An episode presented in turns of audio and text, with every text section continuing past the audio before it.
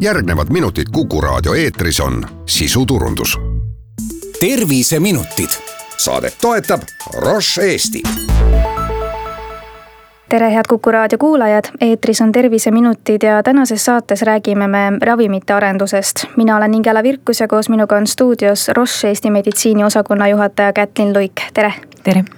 no ravimid on üks osa arstiabist ja kaasajal me ikka hästi ilma nendeta kvaliteetset tervishoiuteenust ette ei kujuta. no millised on need suunad kaasaja ravimiarenduses? Äh, laias laastus võib äh, ravimiarenduse jagada kolmeks esimene võib-olla on seotud sellega, et inimkond vananeb. ehk et äh, sellest tulenevalt tegelikult äh, uuritakse ähm, onkoloogilisi haigusi, närvisüsteemi haigusi, näiteks nagu Alžeimerit hästi palju. siis teine suund on äh, risti vastupidi, uuritakse väga noori täiskasvanuid või lapsi ehk pärilikke ja geneetilisi haiguseid. ja kolmas on võib-olla selline neid kahte ühendav lüli, on arenguid hästi palju immuunsüsteemiga seotud ravimitega oskate te öelda, kui palju meil praegu erinevates valdkondades arenduses olevaid ravimeid on? ega ma seda päris lõpuni öelda ei oska. aga ma oskan öelda, et äh, umbkaudu näiteks Euroopas äh, täna toimub kolmkümmend kuus tuhat kliinilist uuringut. ravimeid nendes on vähem, sest ühe ravimiga tehakse keskmiselt kümme, kaksteist uuringut, nii et neid äh, uusi ravimeid, mida uuritakse, on kuskil noh, ütleme suurusjärk kolm tuhat. aga mis valdkondades ravimeid kõige enam arendatakse? ikkagi needsamad valdkonnad, onkoloogia, närvisüsteemiga, immuunsüsteemi haigused, aga ka haruldased haigused. No kui jätta kõrvale see, et kõige kallimad ravimid on üldjuhul selliste haiguste jaoks, mis on väga haruldased, siis äh, on ju just onkoloogia üks neist valdkondadest, kus ravimid on kõige kallimad ja samal ajal ka eluks vajalikud. Äh, tõsi ta on ja see on tingitud äh, päris mitmest asjaolust. üks võib-olla see, et kaasaja onkoloogilised ravimid on äh, täppisravimid.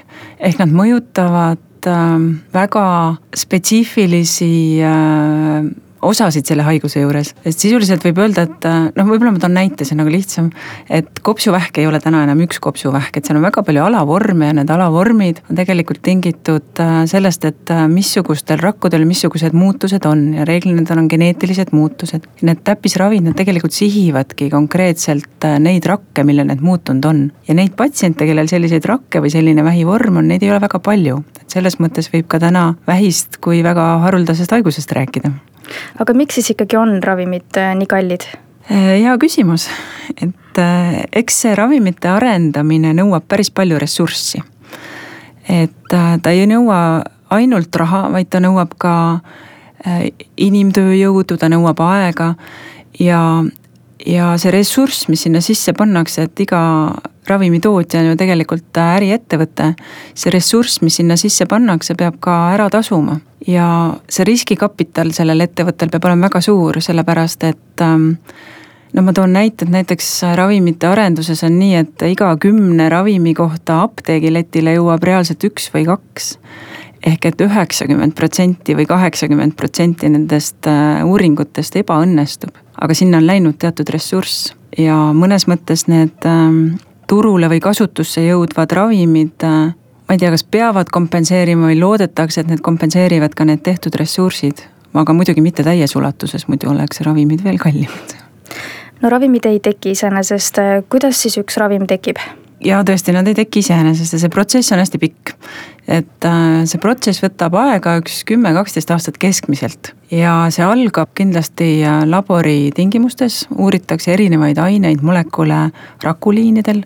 et ütleme, keemiliste ravimite puhul on andmebaasid ja on robotid, mis äh, selekteerivad ära tohututest miljonitest molekulidest võimalikud sellised ained, mis võiksid ühele bioloogilisele organismile toimet avaldada. siis, kui robotid on oma töö teinud, siis see jõuab laborisse ja siis hakatakse tõesti rakuliinide, erinevate inimeste rakkude peal, mida kutsutakse rakuliinideks, neid äh, katsetama. ehk vaadatakse, kuidas see molekul üleüldse mõjutab ühte rakku. Ja kui on mingi informatsioon olemas, et kuidas selle ühe raku peal see toimib, siis minnakse nii-öelda kudede juurde, mis on tegelikult rakkude kogumik ja siis juba loomkatsetesse. tänapäeval ravimiarendus ilma loomadeta siiski ei toimu, sest on vaja teada, kuidas üks aine käitub elus organismis.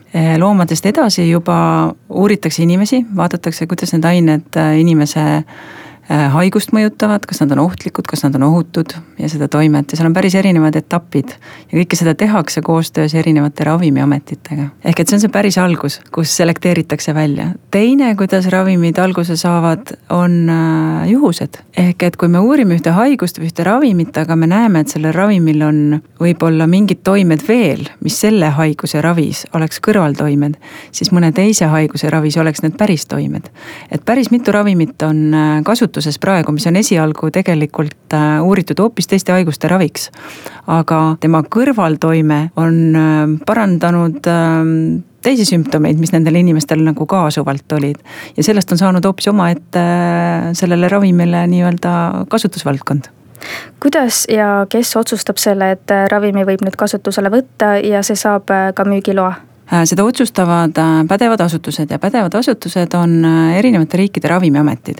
näiteks Euroopas on see Euroopa Ravimiamet, noh sealhulgas Eestis ka. ja Eestis on ka enda riigi ravimiamet olemas, mis tegelikult teeb väga tihedat koostööd Euroopa Ravimiametiga et nemad hindavad seda uuringute kvaliteeti ja annavad oma hinnangu. aga see ei ole selline ühemomentne, et tootja uurib kõik ära ja siis läheb, küsib luba, vaid tegelikult need uuringud on juba kooskõlastatud kõik kogu selle kümne-kaheteist aasta jooksul nende ravimiametitega, et see on sihuke pidev protsess ja hinnang no kuidas see etapiliselt kõik ikkagi välja näeb, et alustades sellest, et see ravim hakatakse välja töötama mm, -hmm. kuni siis nende uuringute lõpuni? Et nüüd, äh. nüüd sellest hetkest võib selle ravimi siis äh, müüki paisata nii-öelda ja et see saab endale siis äh, müügiloa? seal on ähm, erinevad etapid uuringutel, ütleme, et kui on tehtud ära laborikatsed ja, ja loomadel katsed, neid kutsutakse prekliinilisteks ehk eelkliinilisteks katseteks. ja siis minnakse nii-öelda kliinikusse ehk hakatakse proovima reeglina esialgu tervetel vabatahtlikel, kes nii-öelda annavad oma keha katseks Äh, siis saadakse esmane informatsioon selle aine kohta, kuidas ta näiteks jaotub organismis või, või kuhu, missuguses elundis seda koguneb ja kuidas ta väljub. siis ähm, see, need on esimese etapi uuringud, siis teise etapi uuringud on natuke suuremad juba, reeglina juba haigetel inimestel. ja uuritakse juba seda toimet, et mida see ravim siis nüüd äh, head teeb. Aga kindlasti ka jälgitakse kõiki kõrvaltoimeid, pannakse kõik üksipulgi kirja, et seda pärast analüüsida. siis on kolmanda faasi katsed ja siin, see on juba siuksed ulatuslikud, suured, tõesti tuhandete inimestega katsed või sadade inimestega katsed. ja peale neid uuringuid, kui see ravim on näidanud, et ta tõesti toimib nii, nagu me tahaksime, et ta toimib, siis äh, ravimiametid hindavad selle heaks. siis äh, kasutades teie sõnu, paisatakse müüki, ehk siis kasutada saavad laiemalt need inimesed, äh, kes uuringutes ei ole olnud, aga kes on tegelikult samasuguse diagnoosiga. ja siis apteegiletilt äh, sellega veel arend, areng ei lõpe ehk et äh, alati on neid patsiente, kellel äh, mingid kõrvaltoimed näiteks tekivad, siis uuritakse neid edasi, et on ka neljanda faasi katsed, need on nii-öelda müügiloa järgsed katsed või, või uurimused no need kõrvaltoimed on välja toodud ka ravimite kasutusjuhendites, kui tihti seda juhtub, et inimene loeb seda ja arvab, et vot nüüd need kõrvaltoimed võivadki kõik mul esineda? Tegelikult seda juhtub päris tihti, et äh, inimesed siiski pelgavad neid kõrvaltoimeid ja mõnes mõttes on väga tore, et inimesed teadlikult loevad seda kasutusjuhendit või seda patsiendi infolehte. aga mis ma saan küll öelda, et sinna infolehte pannakse tõesti kirja kõikvõimalikud teadaolevad soovimatud toimed. aga seal on äh, kirjas ka alati see sagedus ja see tõenäosus, millega need esinevad, et sellele tasub tähelepanu pöörata. miks need kõik kirja pannakse, on see tegelikult, et ähm, kõik inimesed äh, eeldatavalt reageerivad sarnaselt ravimitele, aga kõik inimesed on siiski erinevad. ehk et siuksed väiksed erinevused inimestel on, ühel on ühed kõrvaltoimed, teisel teised. ja siis selleks, et meil oleks võimalikult palju informatsiooni selle ravimi kohta, siis pannakse kirja kõik. aga noh, kindlasti ma julgustan nagu pöörduma oma raviarsti poole, et kui tundub, et see ravim on teinud midagi, mida te ei ole oodanud või soovinud, siis kindlasti tasub ravimiarstiga läbi rääkida edasise ravi suhtes. no kui kaua ühe ravimi toimeaine kestab? See on väga erinev, et äh, on, äh, on selliseid, noh, ma toon näiteks aspiriin, mis on, ma ei tea, sada kakskümmend aastat juba. aga on ka selliseid, äh, mis on ilusti oma, edukalt oma katsed läbinud, jõudnud müügile.